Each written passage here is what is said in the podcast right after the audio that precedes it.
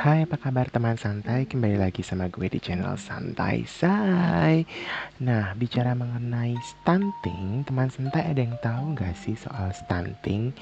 Jadi ternyata isu stunting ini cukup menjadi perhatian pemerintah Indonesia belakangan ini, gitu. Nah, oke, okay, gue tuh bukan dokter atau ahli dalam soal uh, stunting tapi gue akan memberikan sedikit informasi yang mungkin bisa menjadi gambaran buat teman santai tentang apa itu yang namanya stunting. Gue juga harus sedikit mencari-cari tahu ya soal stunting dari beberapa sumber yang gue dapat di internet soal stunting. Tapi kalau teman santai mau tahu soal stunting lebih dalam lagi, ya kalian bisa konsultasikan hal tersebut kepada ahli kesehatan atau gizi atau kepada dokter yang memang concern terhadap stunting ini. Nah, awalnya gue juga bingung stunting itu apa gitu kan jadi pernah beberapa kali tuh gue lewat kantor departemen kesehatan di kawasan kuningan Jakarta memang gue tuh sempat baca soal problem stunting pada generasi-generasi yang ada di Indonesia gitu. Nah, stunting sendiri adalah masalah kurang gizi kronis akibat kurangnya asupan gizi dalam waktu yang cukup lama sehingga mengakibatkan gangguan pertumbuhan pada anak. Seorang anak dianggap mengalami stunting jika tinggi badan mereka lebih rendah atau pendek atau kerdil dari standar usianya. Hal ini diungkapkan berdasarkan dari WHO MGC, eh, MGRS. Jadi pada tahun 2019, survei membuktikan sekitar 30% balita Indonesia mengalami stunting. Apa aja sih penyebabnya teman santai? Jadi ya berdasarkan yang gue kutip dari sebuah situs kesehatan yang gue googling juga nih ya teman santai. Jadi sebenarnya penyebab utama stunting adalah kekurangan gizi kronis sejak bayi dalam kandungan hingga periode awal kehidupan anak. Jadi periode awal kehidupan anak tuh sekitar 1000 sampai dengan 2000 hari setelah lahir. Nah, beberapa faktor yang mengakibatkan kekurangan gizi, gizi ya. Jadi ya beberapa faktor yang mengakibatkan kekurangan gizi kronis. Jadi ini adalah sebenarnya basically masalah kekurangan gizi. Antara lain adalah yang pertama faktor gizi buruk yang dialami ibu hamil dan anak balita. Jadi pada seribu hari pertama kehidupan jadi sekitar 0 sampai sekitar 2 tahun adalah waktu yang sangat krusial untuk pertumbuhan dan perkembangan bayi. Jadi pada masa ini bayi membutuhkan ASI eksklusif selama 6 bulan dan tambahan makanan pendamping ASI atau MPASI yang berkualitas setelahnya. Oleh karena itu, ibu harus memiliki pengetahuan yang cukup mengenai gizi anak.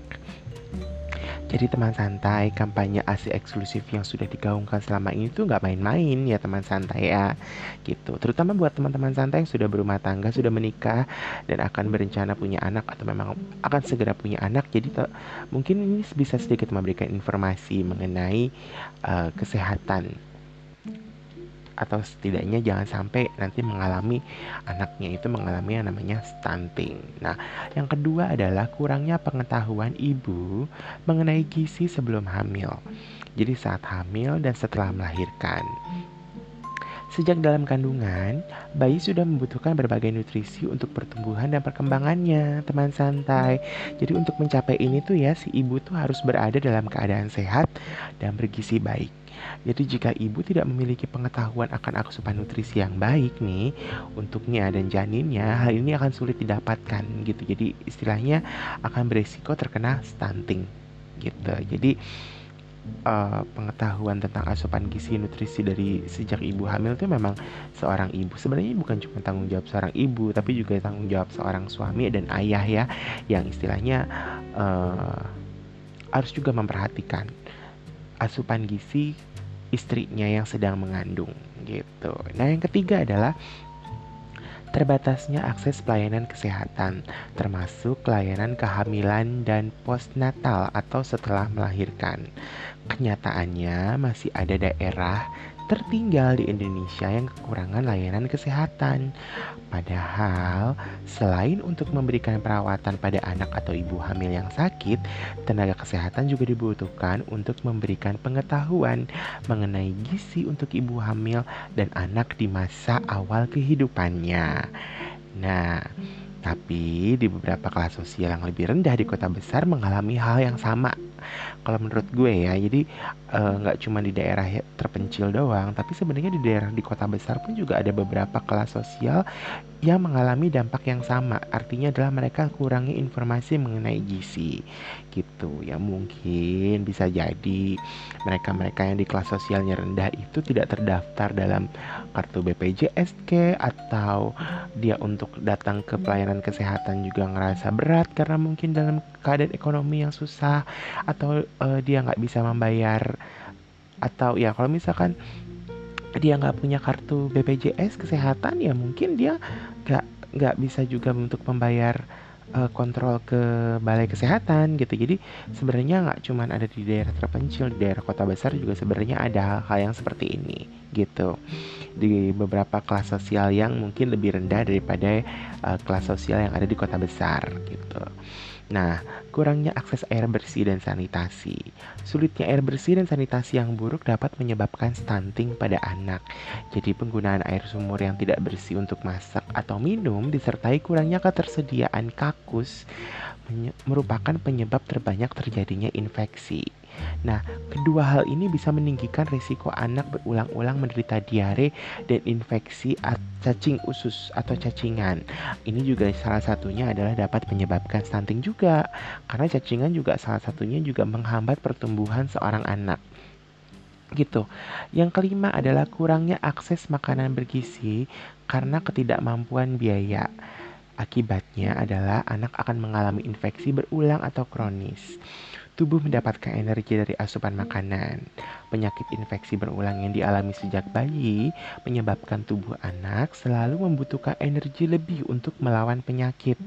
Jadi jika kebutuhan ini tidak diimbangi dengan asupan yang cukup, anak akan mengalami kekurangan gizi teman santai dan akhirnya berujung dengan stunting gitu.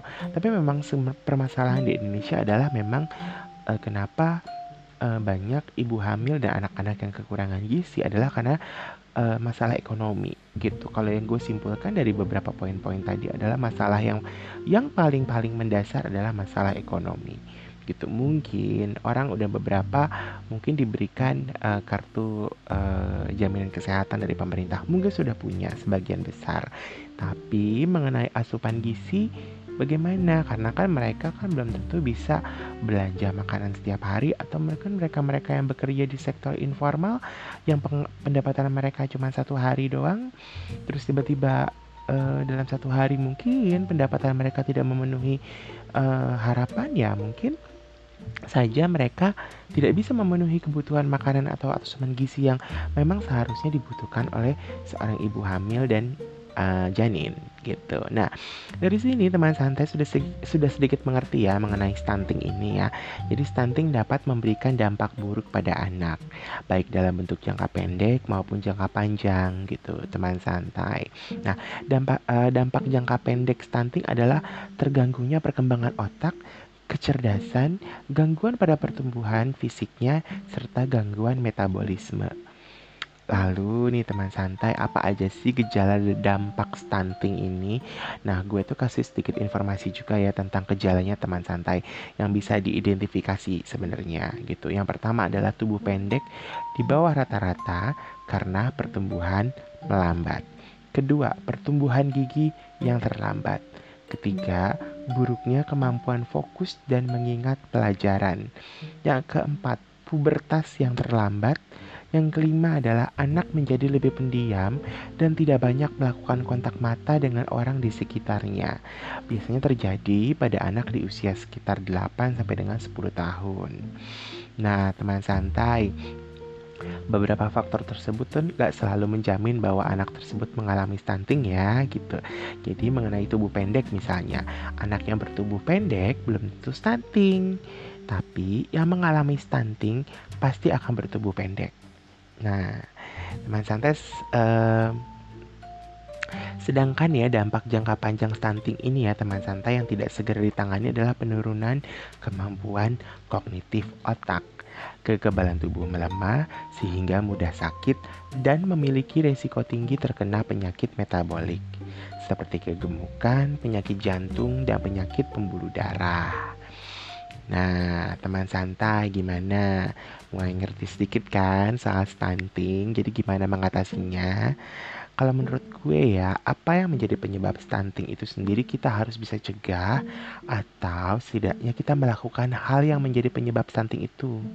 Jadi kita tidak melakukan hal-hal yang uh, yang seperti poin-poin di atas gue sebutin gitu loh. Jadi apa sih penyebabnya ya? Kita jangan sampai melakukan hal-hal yang jadi penyebabnya itu gitu. Nah, yang pasti teman santai adalah gini ya. Uh, kita untuk apa sih namanya? Istilahnya uh, mencegah penyebab uh, stunting ini gitu. Yang pasti adalah satu, pola makan. Ada istilah ya tanda kutip isi piringku dengan gizi seimbang perlu diperkenalkan dan dibiasakan dalam kehidupan sehari-hari. Jadi dalam satu porsi makan, setengah piring diisi oleh sayur dan buah, sementara setengahnya lagi diisi dengan sumber protein nabati atau hewani dengan por dengan porsi yang lebih banyak dibandingkan karbohidrat.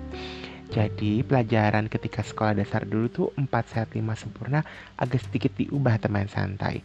Ini dilakukan selama masa kehamilan dan pasca melahirkan dan kita bisa terapkan pada anak kita ketika masa 1000 hari pertama kehidupan bayi atau 1000 hari pertama dalam kehidupan si bayi. Jadi sekitar 0 sampai 2 tahun gitu. Jadi pola makan yang sehat gitu. Lalu uh, yang kedua adalah pola asuh. Stunting juga dipengaruhi aspek perilaku teman santai, terutama pada pola asuh yang kurang baik dalam memberi makan bayi dan balita. Jadi untuk mencegah stunting, pola asuh yang baik dapat diterapkan mulai dari edukasi tentang kesehatan reproduksi dan gizi bagi remaja hingga hingga para calon ibu untuk memahami pentingnya memenuhi kebutuhan gizi saat hamil.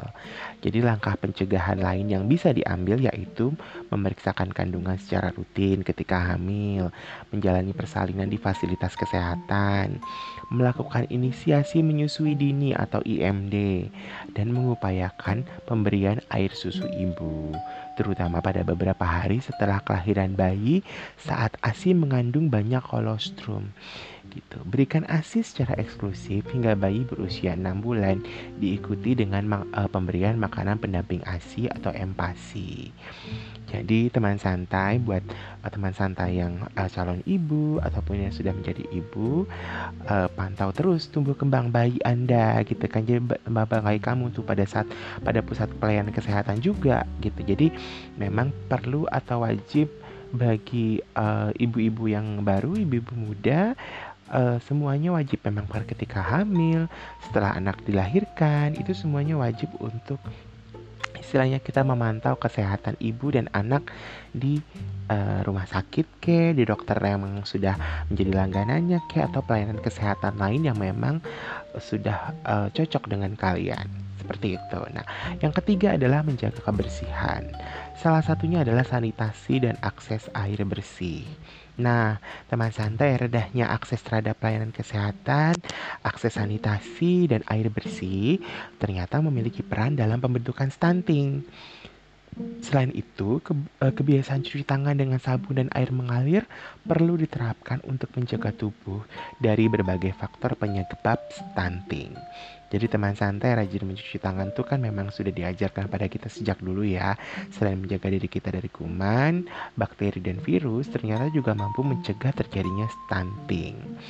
Jadi ketika wabah corona merebak nih, kalian rajin cuci tangan setidaknya setelah wabah itu mereda, kebiasaan itu seharusnya terus juga terbawa. Ya dong, itu kan kebiasaan yang baik teman santai. Nah, teman santai gimana?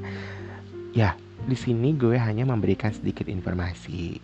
Jadi biar teman santai tahu bahwa stunting bukan hal baru sebenarnya. Cuman kita tidak pernah menyadari aja bahwa stunting itu mengancam generasi penerus kita atau generasi yang akan datang. Jadi untuk tahu lebih lanjut, gue bilang di awal ya teman santai bisa berkonsultasikan ke dok, berkonsultasi ke dokter maksudnya atau membaca tentang stunting biar lebih detail lagi gitu. Jadi apa yang gue informasikan ini jangan dijadikan acuan pasti gitu. Jadi ya teman santai, gue hanya sedikit menginformasikan apa yang gue tahu dan gue cukup concern dengan stunting yang banyak terjadi di Indonesia. Nah, teman santai, semoga informasi yang gue berikan tentang stunting ini bermanfaat.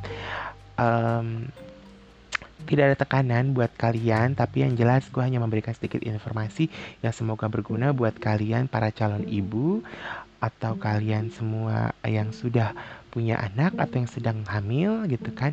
Tapi ini juga bukan berguna, ini bergunanya bukan cuma hanya untuk teman santai yang perempuan, tapi juga teman santai yang laki-laki. Agar teman santai yang laki-laki ketika menikah dan memiliki seorang istri juga membantu sang istri untuk memperhatikan gizi ketika mereka hamil dan juga gizi ketika anak-anaknya sudah lahir. Gitu teman santai.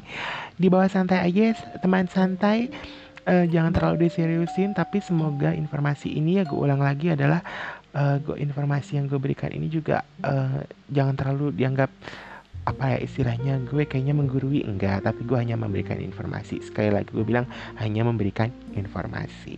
Salam santai shy